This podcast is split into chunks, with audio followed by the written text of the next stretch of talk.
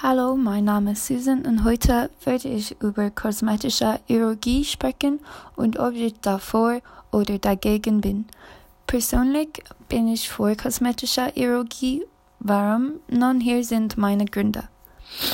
1. Eine Person sollte das Recht haben, mit ihrem Körper zu machen, was sie will, wenn es sie glücklich oder glücklicher macht. Wir sollten andere nicht daran hindern, sich besser zu fühlen. 2. Die Menschen sind verunsichert und glauben, dass dies die einzige Option ist. Wir leben in einer sehr genommenen Welt und die Menschen haben damit zu kämpfen.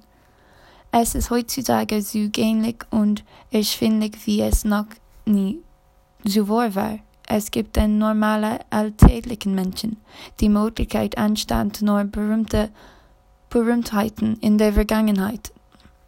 Also, da sind meine drei Punkte, die ich anführen muss, um meine Argumentation für die Schönheitschirurgie zu unterstützen. Vielen Dank fürs Zuhören. Tschüss.